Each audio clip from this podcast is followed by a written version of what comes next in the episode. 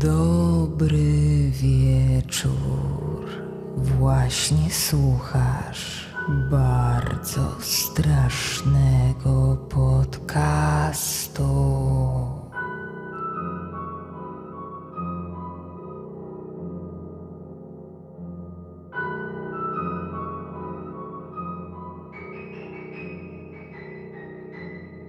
Domyślam się, że dla większości z Was świąteczny czas Bożego Narodzenia wcale nie kojarzy się z dreszczykiem grozy, który niemal odruchowo przypisujemy deszczowemu październikowi. W końcu, czy prezenty, choinkowe ornamenty i rodzinne spotkania mogą być paliwem dla naszych koszmarów? Dzisiejszego wieczoru udowodnię Wam, że jest to możliwe i zaprezentuję trzy internetowe creepypasty osadzone w bożonarodzeniowym klimacie.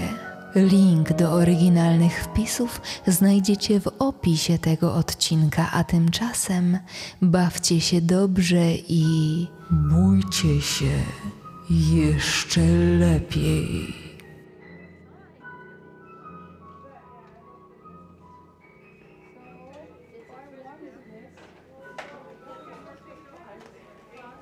W zeszłym roku, w drugi dzień świąt, znalazłem na przecenie naprawdę fajną ozdobę. Miała wbudowaną kamerkę, która w swoim założeniu miała rejestrować rodzinną uroczystość z wyjątkowej perspektywy świątecznego drzewka. Zgarnąłem ostatnią sztukę z zakurzonej sklepowej półki za niecałe 10 dolców, po czym kompletnie zapomniałem o tym zakupie aż do początku tego miesiąca, kiedy wspólnie z żoną i moimi dwiema córeczkami zaczęliśmy stroić dom. Opowiedziałem dzieciakom o kamerze i dodałem, że dzięki temu wynalazkowi może uda nam się sfilmować prawdziwego świętego Mikołaja w akcji. Miałem na strychu stary kostium i zamierzałem dostarczyć prezenty w noc bożonarodzeniową, tak by kamera zdołała to przedstawienie uchwycić. Moje dziewczynki były zachwycone.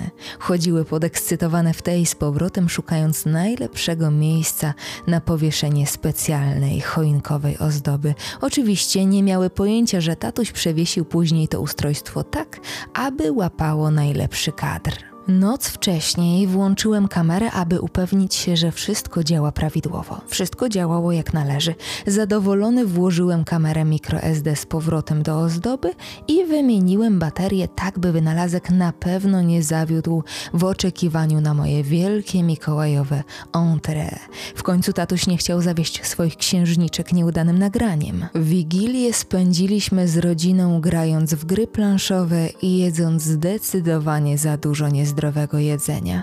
Jak co roku pozwalamy naszym córkom otworzyć jeden prezent od mamy i taty przed pójściem spać. Dziewczynki wciąż na prezentowo-cukrowym haju chichotały w swojej sypialni do późnych godzin wieczornych. Od czasu do czasu wraz z żoną słyszeliśmy, jak jedna z nich uciszała drugą, twierdząc, że słyszała ten ten kopyt na dachu lub dzwonienie dzwonków. W końcu odpuściły. Żona pocałowała mnie w policzek i poszła do łóżka, a ja zgasiłem wszystkie światła, wziąłem kostium i na palcach poszedłem do salonu przygotować się do mojego aktorskiego debiutu. Zrobiłem wszystko, czego można oczekiwać od świętego Mikołaja. Zjadłem większość ciasteczek, wypiłem mleko, pogłaskałem swój duży brzuch, powiedziałem ho ho ho i rzuciłem kilka prezentów przy kominku, a wszystko to pod bacznym okiem kamery. Uważam, że odwaliłem naprawdę kawał dobrej roboty. W bożonarodzeniowy poranek dziewczynki przybiegły do naszej sypialni, by nas obudzić. Podekscytowane nalegały, abyśmy jak najprędzej obejrzeli nagranie jeszcze przed otwarciem prezentów. Przesłałem plik na laptopa, przewinąłem go do momentu, w którym pojawia się święty Mikołaj i nacisnąłem odtwórz. Moje dziewczynki pisnęły z zachwytu i wskoczyły przed ekran, gorączkowo machając do Mikołaja i zasłaniając mi jednocześnie całą wizję. Ogromny ogromną radość sprawiało mi patrzenie na ich żywe emocje. Byłem zbyt leniwy, aby zatrzymać film, więc leciał sobie dalej w tle, gdy rozpakowywaliśmy prezenty. W pewnej chwili zauważyłem pudełko, którego nie widziałem poprzedniej nocy. Było małe i owinięte w niebieską folię, której nie rozpoznawałem. Było na nim moje imię i nazwisko. Co najdziwniejsze, moja żona wydawała się równie zaskoczona co ja. Widząc nasze skamieniałe twarze, najmłodsza córka zakrzyknęła: Tato, tato, to musi być prezent od pana elfa. Byłem gotów puścić mimo uszu ten komentarz, uznając go za kolejną dziwną rzecz, którą wygadują dzieciaki, ale moja żona momentalnie zwróciła uwagę na słowa córki. Kochanie, jakiego elfa? Córka wskazała na laptopa. W tym momencie wideo się skończyło i na ekranie widniał jedynie podgląd pierwszej klatki. No, ten, który przyszedł z Mikołajem. Odpowiedziała. Poczułem nagły ciężar w klatce piersiowej, ogarnęła mnie panika. Wiem, że moja żona nie przebierała się za żadnego elfa. Zacząłem przewijać wideo, klikając w przód i w tył, aż zobaczyłem to, co dostrzegła moja córka. Ktoś był w salonie. Stanął w rogu, gdy gasiłem światło, stał tam nieruchomo i obserwował mnie z daleka. Po chwili podszedł do stolika z ciastkami i odgryzł głowę piernikowemu ludzikowi. Odruchowo zerknąłem na talerz i zobaczyłem ślady jego zębów na zdekapitowanym ciasteczku. Wróciłem wzrokiem do nagrania. Mężczyzna podszedł spokojnie do choinki. Nagranie było bardzo ciche i myślałem, że nie ma w nim dźwięku, ale kiedy zbliżył się do drzewa, usłyszałem jego spokojny, miarowy oddech. Sięgnął w stronę ozdoby, a wideo się zatrzymało. W kompletnym przerażeniu chwyciłem za zagadkowe niebieskie pudełko, które zostawił. Zerwałem z niego kokardę i pakowy papier. Zajrzałem do środka. Leżała w nim bateria, którą umieściłem w urządzeniu wieczór wcześniej.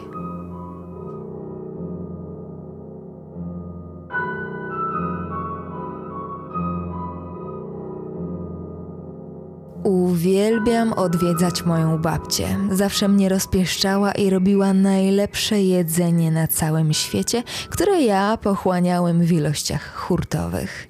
W zgiełku studenckiego życia miło jest raz na jakiś czas znowu poczuć się jak dziecko.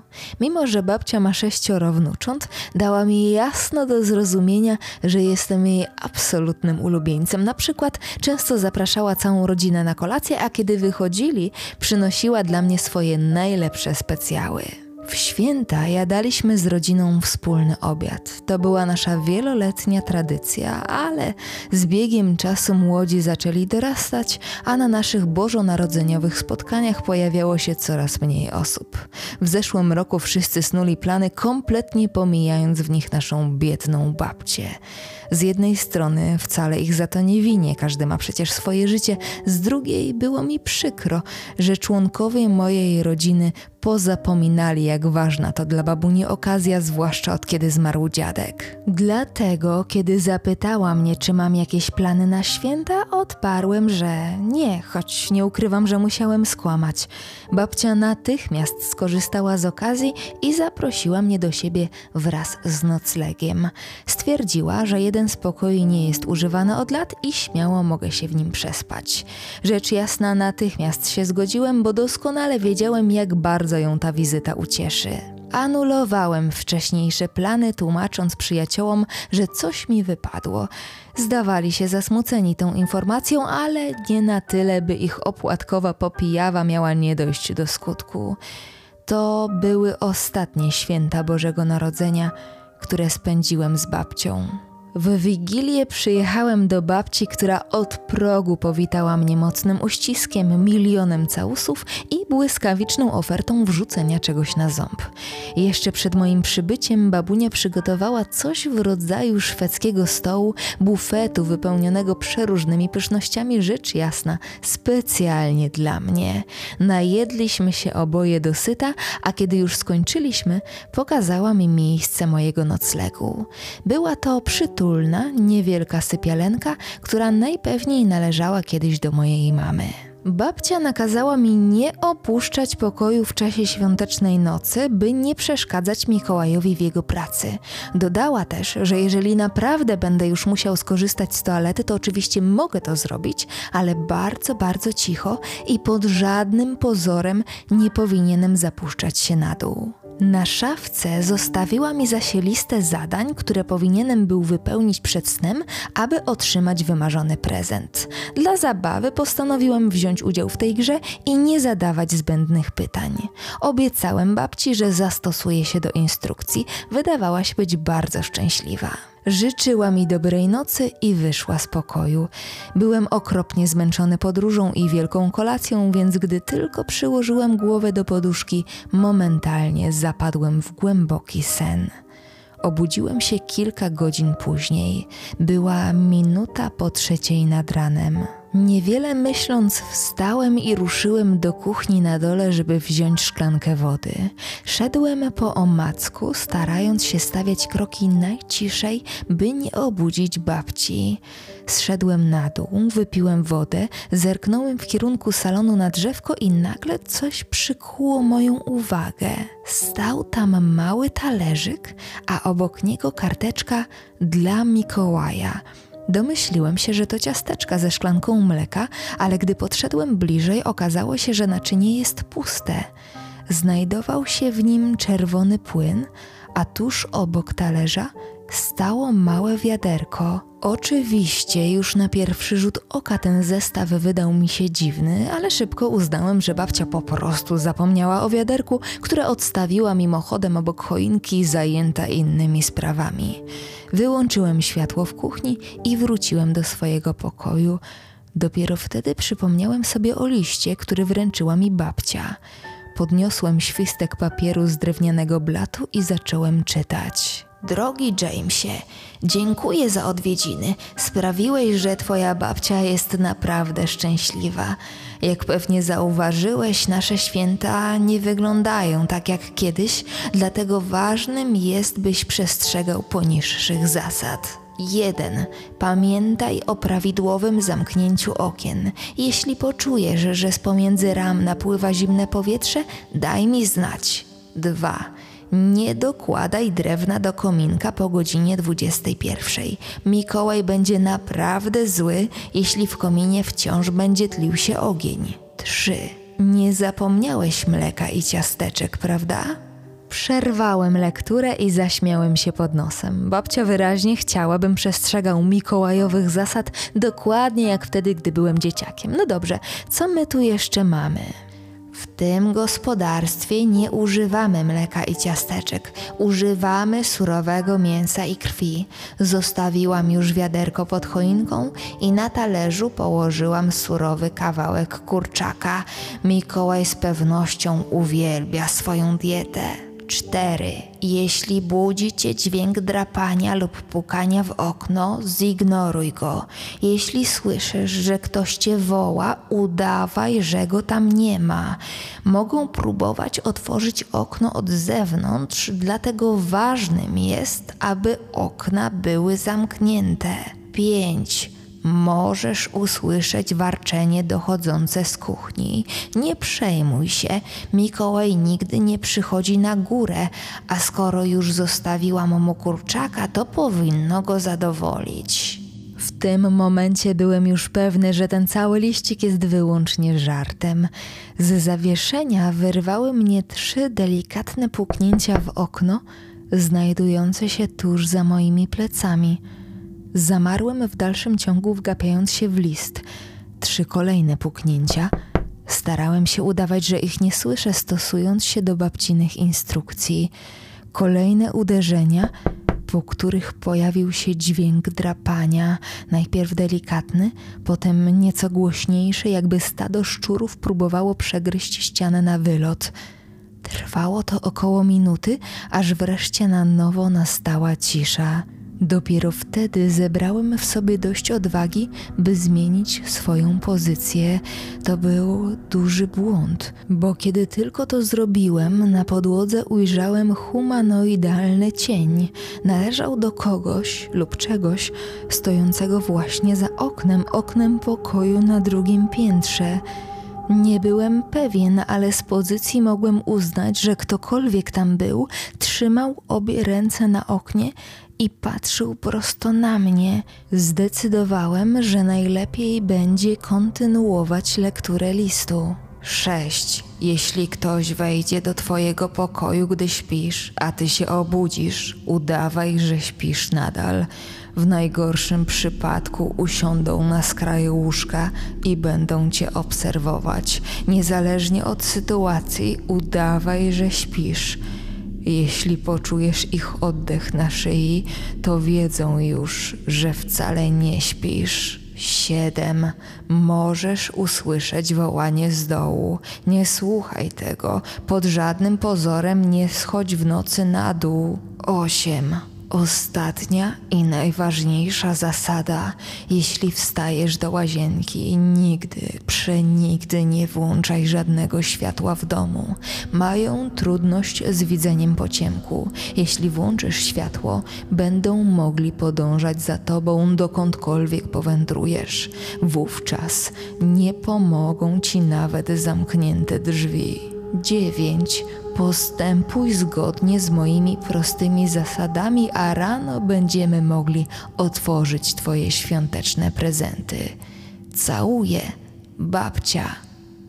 Kiedy skończyłem czytać, drapanie i pukanie ustało, a cień za oknem zniknął. Położyłem się do łóżka i zakryłem głowę kołdrą, drżąc bynajmniej nie z zimna. W pewnej chwili usłyszałem, jak drzwi delikatnie się uchylają. Słyszałem kroki i warczenie, ale znowu starałem się je ignorować. Udawałem, że śpię. W pewnej chwili albo zemdlałem, albo zasnąłem. Obudziły mnie pierwsze promienie słońca i dźwięki dochodzące z kuchni. Poderwałem się i rozejrzałem niespokojnie po pokoju. Wytarłem pot ze skroni, próbując zapomnieć o koszmarze, który właśnie mi się przyśnił. Kiedy opuściłem mój pokój, usłyszałem głos babci wołającej mnie z dołu na prezenty. Odkrzyknąłem, że już idę, i w tej samej chwili poczułem mocny uścisk na ramieniu. Odwróciłem się i zobaczyłem moją babcię, która wpatrywała się we mnie szeroko otwartymi oczyma. Wyłączyłeś światło, prawda?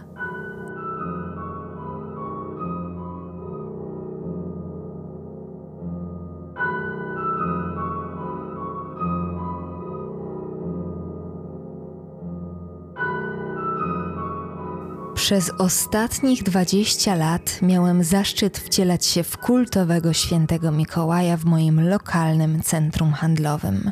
Ze względów bezpieczeństwa wszystkie nazwy i lokalizacje w tym tekście zostały zmienione, ale kontekst pozostaje ten sam.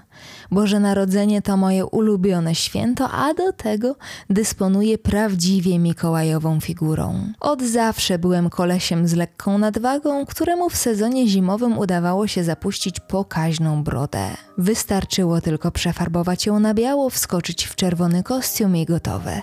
Pomimo tego, że zaczynałem swoją karierę jako dwudziestolatek, do perfekcji wyćwiczyłem tubalny ton, przez co czułem się doskonale przygotowany na każdy świąteczny sezon. Poza tą zaszczytną rolą byłem zwyczajnym elektrykiem, który wprawdzie nie zarabiał najgorzej, ale co roku przez 20 lat od święta dziękczynienia do końca grudnia zamieniałem się w dziadka z brodą ku uciesze najmłodszych. Muszę stwierdzić, że przez tych 20 lat nauczyłem się jednej ważnej lekcji. Nigdy niczego nie obiecuj.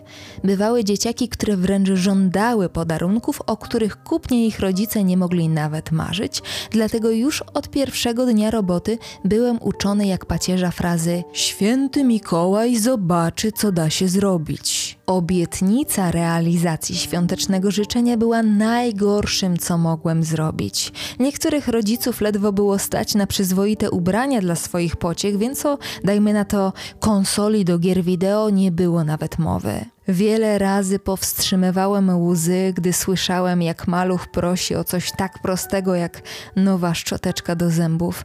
Na szczęście w moim centrum handlowym nie pobierano żadnych opłat za siedzenie na kolanach Mikołaja. Płatne, ale nie obligatoryjnie, były zdjęcia, które można było zrobić sobie ze mną na pamiątkę. Minione święta były dla mnie najcięższe, bo to był ostatni rok w tej roli.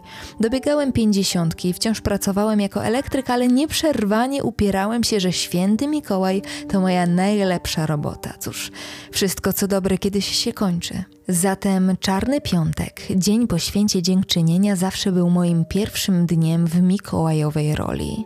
Tego roku frekwencja dopisywała jak nigdy, bo najpewniej plotka, że poczciwy Ted Bridges, to ja, odchodzi na emeryturę, rozeszła się na tyle szybko, by niemal każde dziecko w mieście zapragnęło ze mną ostatniego spotkania. Większość maluchów była świetna, jak zwykle zresztą. Oczywiście zdarzały się rozpieszczone ancymony żądające dronów, iPhone'ów i iPadów. Te dzieciaki nie miały nawet 10 lat. To chyba nie jest najlepszy wiek na takie podarunki, prawda?